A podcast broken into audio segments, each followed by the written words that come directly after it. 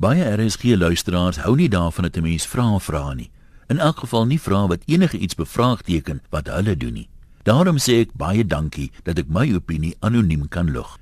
Ek luister al jare RSG en ek kan skaars 'n inbelprogram onthou, maak nie saak wat die onderwerp is nie, waar daar nie mildelik Bybelversies aangehaal is nie.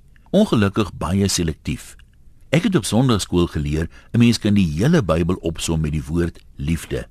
Liefde vir God en naaste liefde vir mekaar hier op aarde. As ons aan ander doen soos wat ons wil hê hulle moet aan ons doen, sal daar mos harmonie wees. Niemand sal lelik praat van iemand anders nie en niemand sal neersien op iemand anders nie, want voor God is alle lewe mos gelyk. Maar hoor 'n mens ooit op RSG dat Bybelversies oor liefde aangehaal word? Uiters selde. Die Bybel word veel eerder gebruik om ander mense mee by te kom. As jy dit of dat doen, is jy 'n gruwel in die oë van die Here en gaan jy in die ewige vuur brand. Op die platteland is mense gewoonlik baie getrouer kerkgangers as in die stad, maar tog het skinder daar 'n lewenswyse geword. En dink jy dit gebeur uit naaste liefde? Of glo jy almal wat op die platteland woon wil graag beskinder word?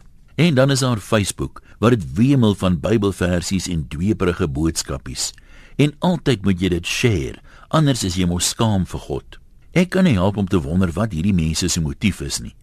Sommige doen dit sekerlik om ander mense te bemoedig, maar hoe bemoedig dit my nou as ek hoor ek moet Trump steun omdat hy 'n Christen is? Die hele NP-regering was Christene, al was hulle beleid glad nie Christelik nie, soos wat hulle self en die kerk later erken het.